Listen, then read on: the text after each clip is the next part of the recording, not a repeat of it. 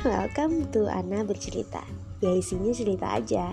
Kadang random, nggak jarang juga belibet karena nggak dinaskahin.